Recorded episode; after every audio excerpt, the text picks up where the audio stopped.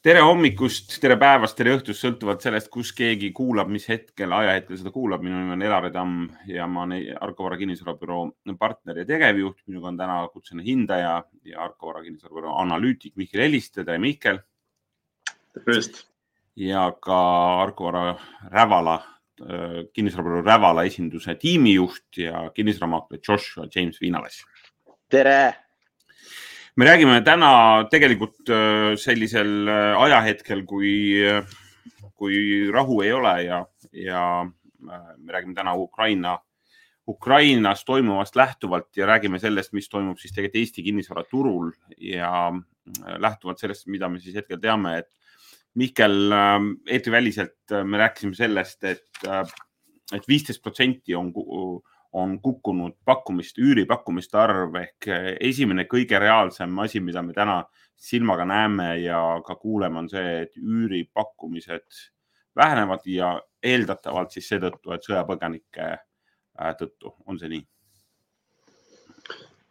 jah, eks seal on võib-olla ka mingisuguseid muid mõjusid, aga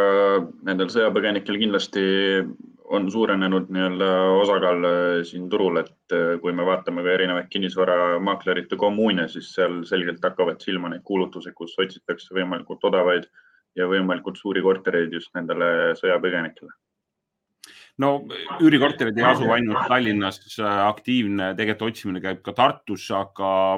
kuuldavasti väikelinnadesse veel väga ei ole jõudnud. ühelt poolt sellepärast, et seal ei ole väga pakkuda, teiselt poolt on ju leitud, nii nagu sinu äh, lühiülevaade, mille sa oled hiljuti just veebruari kohta kirjutanud, on ka see, et hotellid on täna, ei ole taastunud koroona sellisest löögist ja, ja turismindus ei, ei tööta täie auruga ehk tegelikult alternatiiv täna nii Tallinnas, Tartus kui ka mujal on tegelikult ka ju hotellid, kuhu põgenikke siis paigutada. jah, seda kindlasti muidugi seal ma ei ole ühegi hotelli omanikuga või opereerijaga muidugi suhelnud, et mida see rahavooliselt nende jaoks tähendab, et ma kipun ka arvustama, et nagu enne koroonaaega võrreldava majutusturuga tänane olukord tõenäoliselt siiski ei sarnane, et ma arvan, et sõjapõgenikud valdavas osas ei ole niivõrd äh, maksevõimelised kliendid, kui mingisugused välisturistid vanasti kippusid olema. jah, ja arvestades seda, et omavalitsus aitab seda esimest kuud katta ja hiljem tuleb juba ise hakkama saada. Josh, mida kliendid räägivad, kas, kas sul on otse juba tagasisidet nõndanimetatud tänavalt, barrikaadidelt, et mis, mis toimub üüriturul, mida üürile andjad, üürile võitjad praegu räägivad mm? -hmm ja päris palju segadust on ausalt öeldes, isegi, isegi Postimees äh, palus mul anda kommentaari ühe artikli jaoks, mis nad kirjutasid ka just äh, seoses üürituruga, et kui me räägime üüriturust, siis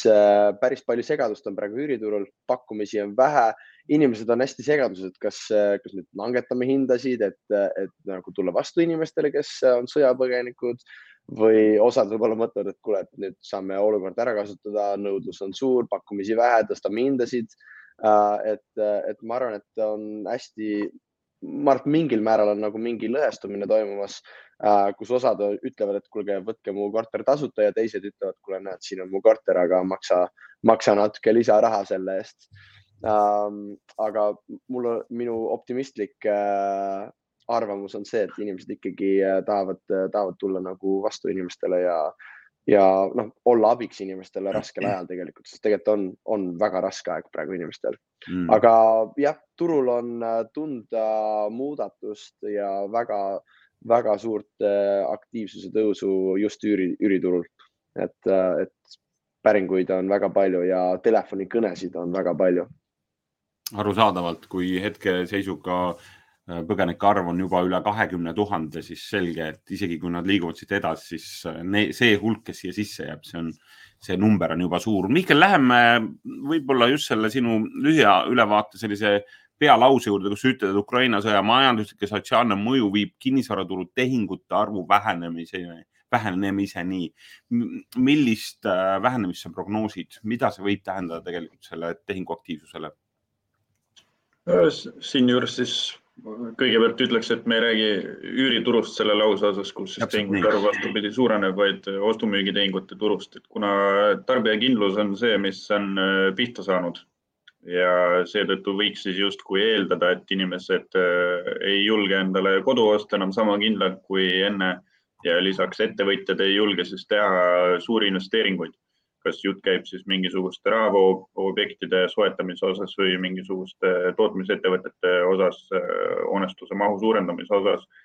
et selles suhtes ma arvan, et kindlasti positiivse mõjuga need äh, sõjalised sündmused seal ja sellega kaasnenud majandussanktsioonid äh, ei ole. aga selles suhtes, äh, kui me vaatame tänast elamispindade turgu, siis, siis kui see sõda algas, siis me nägime väga kähku kinnisvaraportaalide osas sellist kuni kolmekümne protsendilist kulutuste portaalide vaatamist arvu langust ja kuna see on siis kõige esimene asi, mis viitab sellele, et tehingute arv turul võiks hakata vähenema, siis sealt edasi, kui hakata juba uurima maaklerite käest, et kas objekte käiakse vähem vaatamas, kas teile helistatakse vähem, siis seda me täpselt samamoodi võisime täheldada. kui me uurisime sealt edasi, et kas kinnisvara hindamiste päringute arv on vähenenud, siis noh, mingis mõttes võis ka seda juba täheldada kui me läksime sealt edasi, vaatasime, kas pangas laenutaotluste arv on vähenenud, siis mõni pank ütles seal, et kuni kolmandiku võrra järsku ja ka notarid ütlesid, et siis aeg on juba üles öeldud ja uusi nii-öelda broneeringuid on tehtud vähem. nüüd, kui me oleme põhimõtteliselt nädal aega edasi läinud, kui me vaatame täna kinnisvaraportaalide vaatamiste arvu, siis see on täpselt sama suur või isegi kõrgem kui enne Ukraina sõda. Ja kui ma täna vaatan, mis turul toimuks, siis pangad enam ei räägi sellest, et laenutaotluste arv oleks vähenenud. et äh, ma ei ole siin Argo maakleritega rääkinud, aga nii palju, kui ma majaväliselt äh, erinevate koostööpartneritega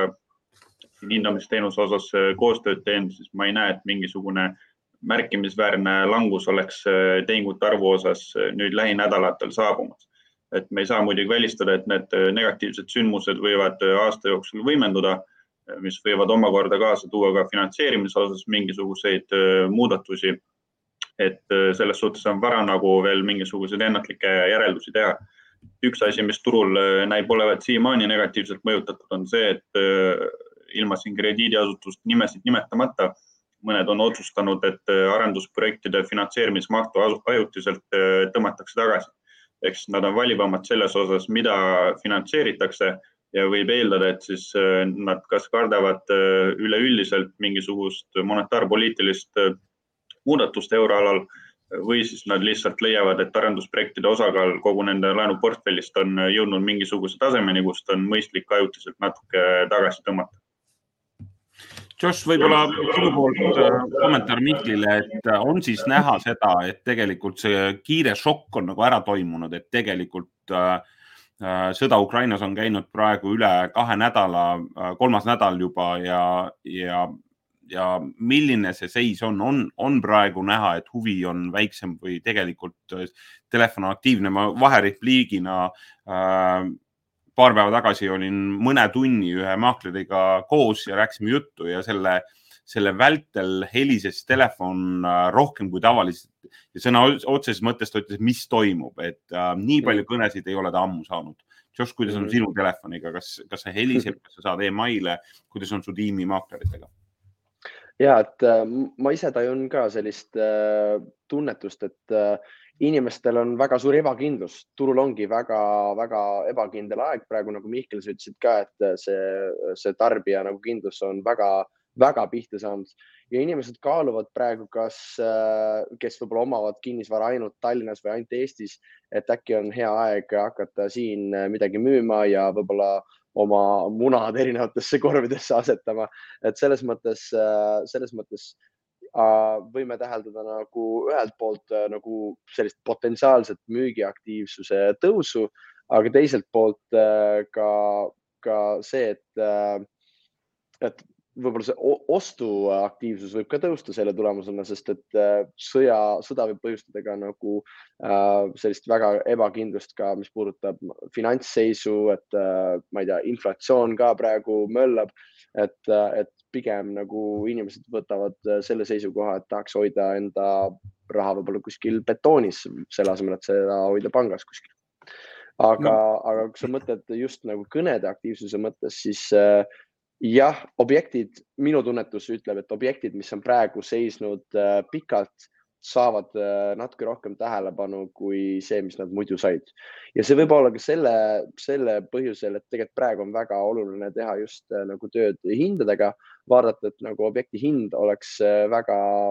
väga hea ja on vastav turuhinnale, sest et kui me vaatame nagu kolme-nelja kuu tagust aega, siis, äh, siis inimesed, äh, inimesed nagu elasid natukene nagu pilvedes, mis puudutas nagu hindade ootust oma kinnisvara mõttes, sest et äh, turg nagu on, on buuminud väga pikalt juba ja, ja see jutt on jõudnud nagu kõikideni, et sellist nagu kainet äh, hinnastust äh, inimesed enda vara puhul, ma arvan, et ei oska nagu praegu teha. aga need, kes vähegi oskavad seda teha, ma arvan, et nende objektid lähevad praegu väga-väga hästi, lähevad veel müüki pisut spekuleerime, et selle turuaktiivsuse taga või kuna Mihkel, sa tõid äh, lihtsalt niisugust väikest datat, mis puudutas äh, täna võib-olla siis nagu kinnisvara vastu huvi on suurem kui ähm,, kui, kui ähm, kui ma ei mäleta, mis ajaga võrreldes sa võrdlesid seda, aga et, et, et kas see võib olla üks see, et raha paigutamine on täna tegelikult selle sõja valguses ja üldse ebakindluse valguses tegelikult lihtsalt veel olulisem.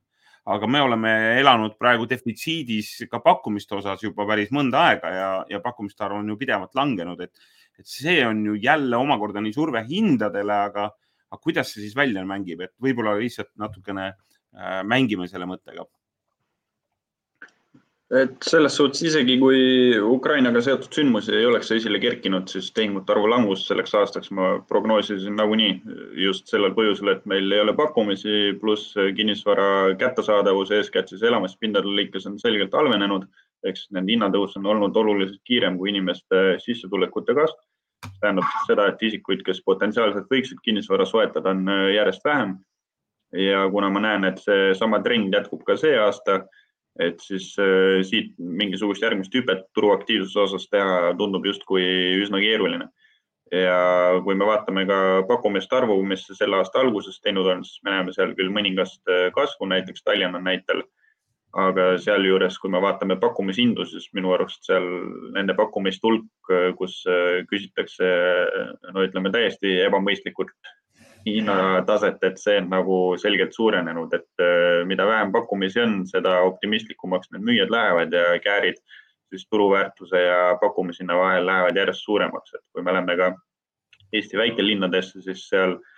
võtame näiteks Viljandi ja Rakvere, et kui sellised väga heas seisukorras kahetoalised korterid täna maksavad juba seitsekümmend, seitsekümmend viis tuhat kohati, siis äh, mulle jääb nagu mulje, et äh, viiskümmend ja kuuskümmend tuhat eurot jäid nagu vahele, et et äh, sealt väga kähku mindi mingisuguste järgmiste hinnatasemeteni ja see tõenäoliselt viib ka siis tehingute arvu languseni, et turule üritatakse tuua hetkel kõikvõimalikku vara, mida vanasti ei suudetud müüa. Et äh, üle-eestiliselt me näeme, et ajuküttega kortereid üritatakse sagedasti müüa, mis on kehvas seisukorras kuskil majades, millesse vanasti inimesed pigem ei oleks elama läinud, aga kuna kinnisvara on läinud nii kalliks, siis neil ei jää täna enam lihtsalt muud midagi üle ja kui siin pere laienemine on toimunud või keegi tahab äh, iseenda elu iseseisvalt alustada, et siis äh, väga muid võimalusi esialgu justkui ei kipu olema. no kuna öeldakse, et tühja kohta ei salli, siis äh, me oleme mingid äh, hetked tagasi spekuleerinud Kiviõli ja Kohtla-Järve teemadel ja, ja seal jagati kinnisvara tasuta, et, et Mihkel, võib-olla väike lisa sinna veel, et kas, kas me näeme hoopis kõige selle valguses, kuidas need tühjaks jäänud Kiviõli majad hoopis saavad uue elu sisse, sest äh, noh, mis seal ikka, nad on odavad, nad tulevad, vajavad küll restaureerimist, aga nad on võimalus jah, selles suhtes äh, ma arvan, et Eestis äh, on võimalik luua mingisugune ülevaade üsna kiiresti sellest, kus need asustamata eluruumid äh, asuvad aadressipõhiliselt isegi. ja ma arvan, see on lihtsalt bürokraatia küsimus, et kuidas neid sõjapõgenikke saaks majutada Eestis piirkondadesse, kus elamufond tegelikkuses on aktiivse kasutusega ja Ida-Virumaa on tõenäoliselt siis kõige suurem piirkond, kus seda saaks äh, rakendada, et äh, et ükskõik, kuhu me seal lähme, võtame Kiviõli või Püssi või Kohtla-Järve, Järve linnaosa, et äh, seal neid tühje eluruume on märkimisväärselt, et et ma siin hiljuti olen nendes piirkondades üsna tihti käinud ja inimesed, kes eluaeg või pikemat aega on Tallinnas elanud, et, et ma soovitaks minna kusagile Kohtla-Järve äh, magalapiirkonda nii-öelda ja vaadata, kuidas inimesed elavad, et kui esimesel korrusel on aknad puruks löödud või OSB plaatidega kinni kaetud ja järgmisel korrusel keegi elab ja siis jälle aknaid ees ei ole, et see on nagu täiesti tavaline et Tallinnas me ei kujutaks sellist asja ette või kellelgi tuleks esimesena mõte, et tegemist oleks tõenäoliselt Kopliga, aga kui Koplis täna käia, siis ega seal ka selliseid kohti enam eh, ei kipu nägema. Täpselt nii. kaks tuhat kakskümmend kaks veebruaris tehti Eesti kinnisvaraturul tuhat seitsesada üheksakümmend üheksa korteritehingut, mida oli vähema tööpäevade arvu viis koma kuus protsenti vähem kui jaanuaris ja nii nagu Mihkel, sa kirjutada ülevaates, et äh, turu, elamispiirkonna turu mõningase rahunemise tõttu kaks koma neli protsenti vähem kui kaks tuhat kakskümmend üks aasta veebruaris. Äh, Josh, millised need objektid praegu on sellised aktiivsed, mis oli viimane su müügiobjekt, mis läks ja kui kaua selle, äh, kaua sa seda pidid kuulutama, et reaalselt siis müügitehingule jõuda? hea küsimus mul oli just äh, eile tehing, äh, tervitan siin Katariinat ja Stanislavi, kes andsid mulle Peetris ühe väga armsa kahetoalise korteri, andsid müüki ja sellega läks jube kiiresti. see oli uusarenduse korter, kahetoaline sisustatud. tegelikult müügihinnaks panime sada viiskümmend viis tuhat ja läks hinnaga tegelikult sada kuuskümmend tuhat, et seal tekkis enampakkumise moment äh,. väga tahetud piirkond praegu ähm,.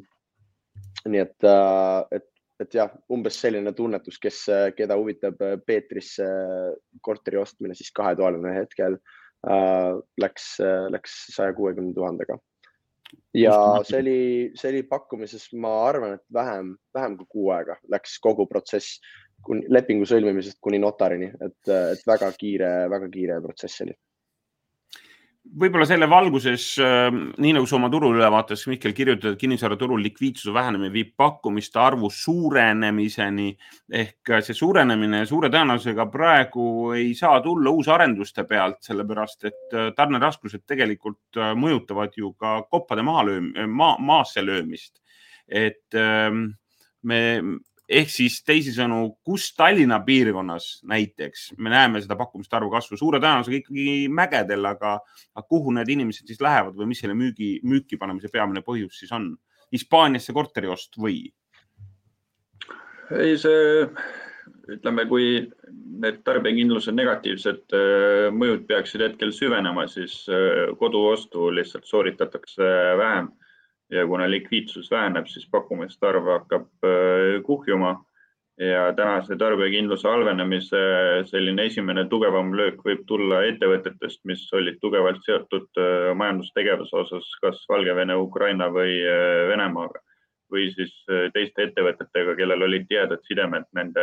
riikide ettevõtetega. eks kui me peaksime nägema tööpuuduse suurenemist tänastel sõjalistel põhjustel või siis majandussanktsioonide tõttu, siis see tõenäoliselt tooks alla ka koduostutehingute arvu. aga mis puudutab uusarendusi,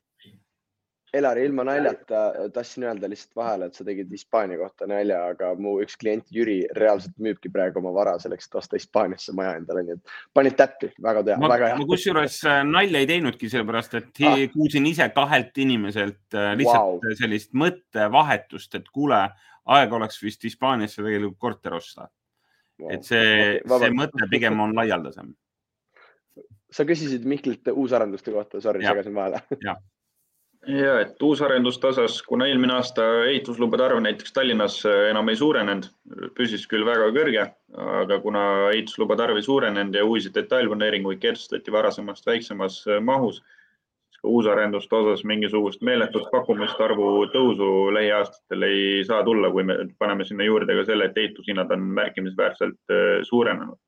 Et siin eelmine aasta küll rekordilises mahus teavitati uute korterite osas ehitusega alustamisest aga kui me sinna sisusse lähme, siis me näeme, et lihtsalt äh, väga suurte kvartalite osas äh, teavitati, et kõikide hoonete osas alustati ehitust, aga tegelikkuses alustatakse kas siis ükshaaval või siis paar elamut äh, ainult korraga. ja kui me tänast laojääki uute korterite osas vaatame, siis ega me mingisuguseid olulisi muutusi seal viimase paari kuu jooksul ei ole justkui täheldanud. et me kõik ootasime selle aasta alguseks olulist pakkumiste arvu suurenemist uute korterite lõikes aga nüüd tõenäoliselt see siis lükkub taaskord edasi just sel põhjusel, kuna ehitamine on läinud oluliselt kallimaks ja kõik need äh, hinnakirjad, mis neil enne ette mõeldud olid, tuleb tõenäoliselt taas üle vaadata. et kui me üle-eestiliselt vaatame, siis äh, järjest rohkem on äh, isikuid, kes varem ei ole kinnisvaraarendusega tegelenud, kuid kes on hakanud nii-öelda kätt proovima. ja eeskätt väikelinnades me täna siis näeme hooneid, mille osas ehitustegevus käib, aga müügipakkumisi ei ole siis viitab tõenäoliselt sellele, et nad ei tea veel isegi, mis neil omahind kokku tuleb. mis saabki kõige erilisem olla, et ühelt poolt oled võib-olla soodsama hinnaga juba lukku löönud, aga ehitushind on tõusnud ja lõpuni ehitamine võib tähendada sisuliselt arendajale äh, noh, kahjumiga tegutsemist ja see omakorda ei ole jätkusuutlik äh,. Ma küsin veel, äh, Mihkel, sinu käest ja siis äh, Josh, räägime veel äh, Tallinna Tallinna turust, aga kaks tuhat neliteist sündmused, äh, kui Krimm annekteeriti, äh, sa oled pisut vaadanud ka sinna peale, et millist mõju see siis äh, elamispindade turule andis või osutus, osutas, et mis, mis järelduseni sa jõudsid? kaks tuhat neliteist nägime suhteliselt marginaalset tehingute arvu vähenemist ja kui me erinevaid piirkondi Eesti lõikes vaatasime, siis nähtus oli nii-öelda suhteliselt diferentseeritud, et äh, pigem see viitab sellele, et mitte mingisugust mõju justkui ei olnud. et me ei saanud küll väita, et turg edasi kasvas, aga võib-olla siis pigem ainult seda, et turuaktiivsuse kasv ajutiselt äh, peatus. ja seal siis täpselt samamoodi tõenäoliselt see suurenenud julgeolekuoht viis tarbijakindluse halvenemiseni, mis omakorda viis selleni, et teatud oste lihtsalt lükati edasi või jäetigi ära. aga kindlasti sellel olid mingisugused pikemaajalised mõjud, vähemalt tol ajal. et kui veel tol ajal Venemaaga seotud sanktsioone või siis selliseid piiranguid majandustegevuse osas väga ei olnud ja need esmakordselt alles suuremamahuliselt hakkasid tulema, siis Eestis ma arvan, et eeskätt vanalinna asumis venelaste osakaal turul vähenes ja nad pigem läksid müügipoolele ja nad on müügipoolel siis olnud kuni tänase päevani. ja lisaks sellele Krimmile siis suhteliselt samaaegselt olid need kõikvõimalikud rahapesuskandaalid muidugi, et siin Swedbank, Danske, mis iganes muud väiksemad pangad, et see kõik survestas seda Vene raha siit lahkuma ja õnneks täna me oleme olukorras, kus need väga karmid majandussanktsioonid on Venemaa pannud olukorda, kus Baltikumi ei saa enam kinnisvarainvesteeringuid justkui teha aga õnneks meil ei ole ka olukorda, kus nende osalemine turul oleks väga laialdane olnud, et äh, täna enam Vene raha ei ole, et me põhimõtteliselt ei pane tähelegi seda turul, eeskätt siis elamispindade turu lõikes. Mihkel, sa korraks mainisid, äh, mainisid äh, juba Venemaad, mainisid pankasid, kui ma õigesti mäletan su turuülevaatest, siis sa mainisid, et intressiprotsent praegu Venemaal keskmiselt kakskümmend protsenti või? tol hetkel, kui ma seda kirjutasin, siis Venemaal eluasemelaenu marginaal oli kakskümmend pluss siis äh, see tase, mis äh, iga krediidiasutus sinna otsa soovib panna, et, et keskeltläbi, ma arvan, tol ajal olid need kakskümmend kaks ja kakskümmend neli protsenti aastas, et arvestades wow. olukorda, milline inflatsioon neil seal on, siis selles suhtes äh, finantsmajanduslikult on see täiesti tavapärane, aga inimeste jaoks, kes seda laenu teenindama peavad et ega see sugugi hea keskkond ei ole, rääkimata kinnisvara väärtuse langusest. ma kujutan ette ja äh, mida sa oskaksid soovitada, kas see kuidagi hakkab mõjutama ka nagu meie pankade intresse, mida sa soovitaksid praegu inimestele, kes, kes kaaluvad praegu kodulaenu võtmist meie pankadest? Eestis, ma arvan, siiamaani ei ole eluasemelaenude väljastamise osas justkui midagi muutunud et äh, meil veebruari numbreid veel ei ole, aga jaanuaris äh, eluasemelaenu intress oli kaks koma null kolm Eesti peale keskmiselt, mis on siis äh, ajalooliselt põhimõtteliselt madalaim tase. Et samasugust näitajat oli siin ka eelnevatel kuudel kaks koma null kolm, kaks koma null neli. kümme korda vähem kui Venemaal. jah, kui niimoodi väita, eks meil on palju asju, mis on kümme korda paremad kui Venemaal, aga, aga. eriti täna. jah,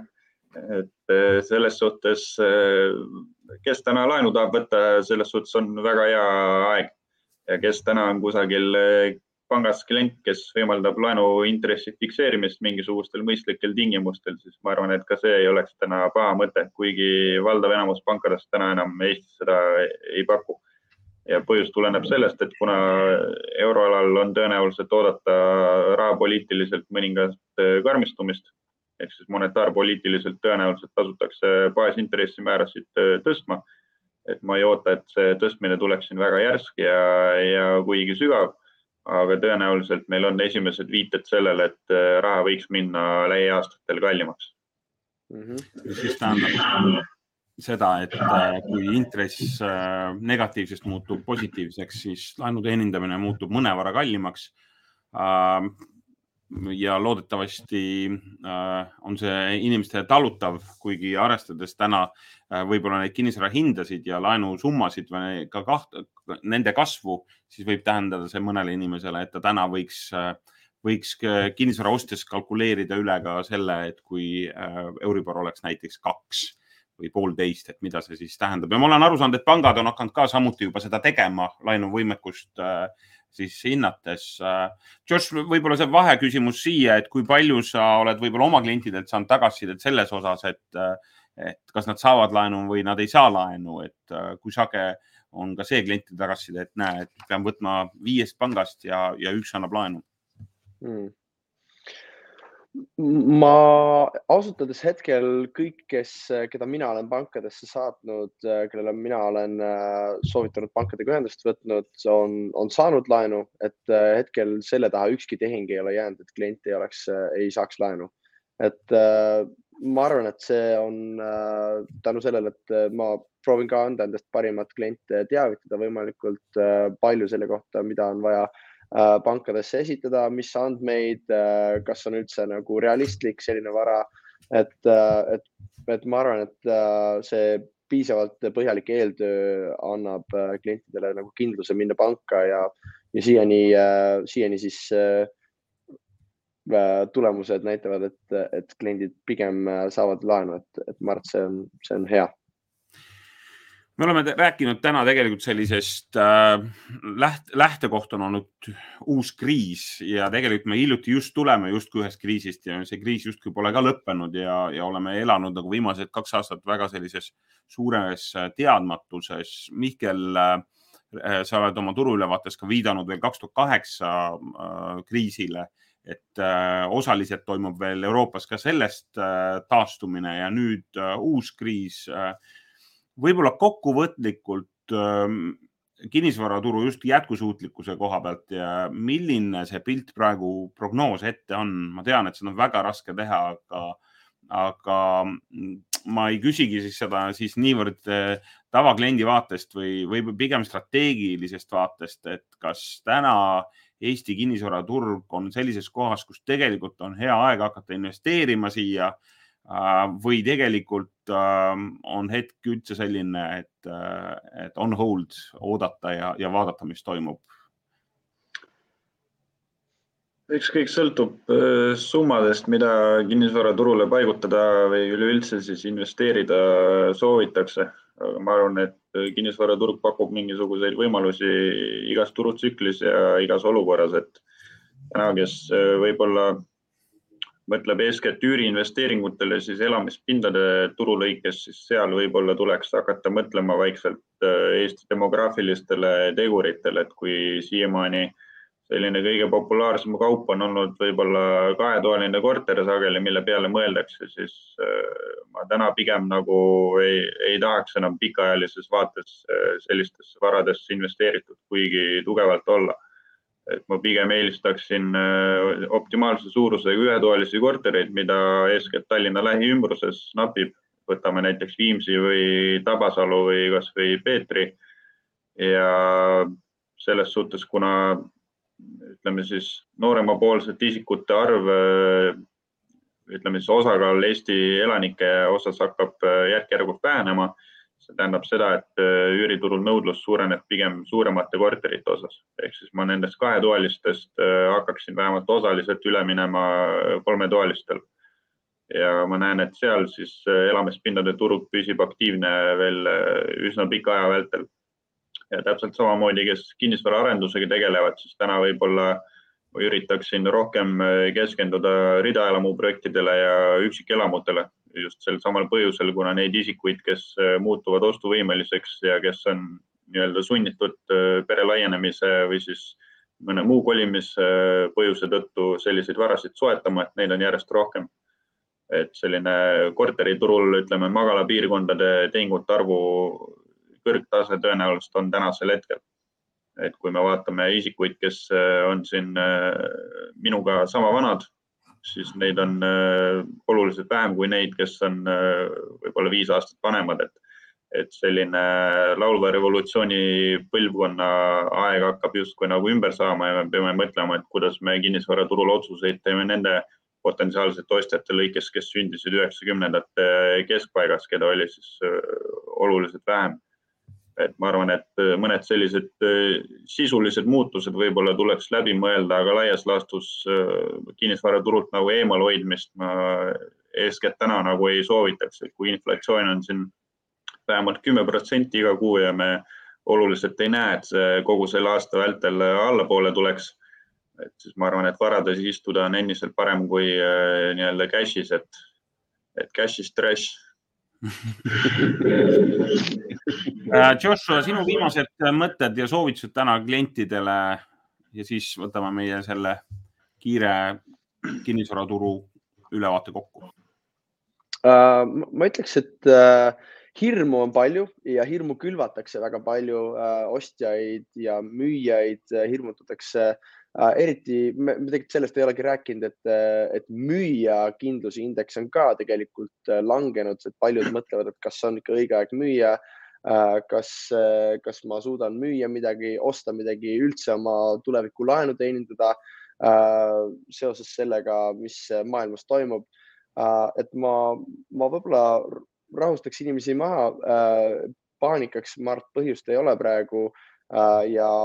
endiselt on, on, on hea aeg müüa ja ma arvan, et äh, selleks, et, et see kindlus oleks suurem, siis, äh, siis julgelt, äh, julgelt soovitan pöörduda professionaali poole selleks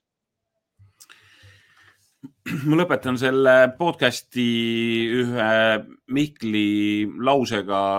turu ülevaatest. Te leiate selle äh, saate leida oma postkasti siis igakuiselt või kui te tahate ka praegust turuülevaadet lugeda, siis argvara.ee on see saadaval ja ka sellesama äh, video all leiate selle lingi sinna. Aga siin on kirjas üks väga-väga hea lause, et kaks tuhat kakskümmend kaks aasta algusest on nafta hind kerkinud juba kuuskümmend protsenti Äh, mille juures ajalooliselt on taolised sündmused alati viinud majanduslangusteni. lootus sureb muidugi viimasena ja kinnisvaraturule on äh, olnud omane nõnda öelda humoorikas lause. äkki seekord on teisiti? no elame-näeme. Äh, ma tänan, Mihkel, sind selle pooltunni eest, Joshua sind ja kliendid. Äh, kui teil on vaja aru pidada, kas siis oma kinnisvara hindamise osas või konsultatsiooni osas, siis Mihkel on teiega ja kui teil on loomulikult müügiabi vaja või ka lihtsalt arutada, äh, mida osta, kuhu osta ja kas täna osta, siis Josh ja, ja meie Argo Vara kinnisvaramaaklerid ja hindajad on teie teenistus, nii et suur tänu ja edukat päeva. aitäh sulle, Elari. tšau. aitäh, nägemist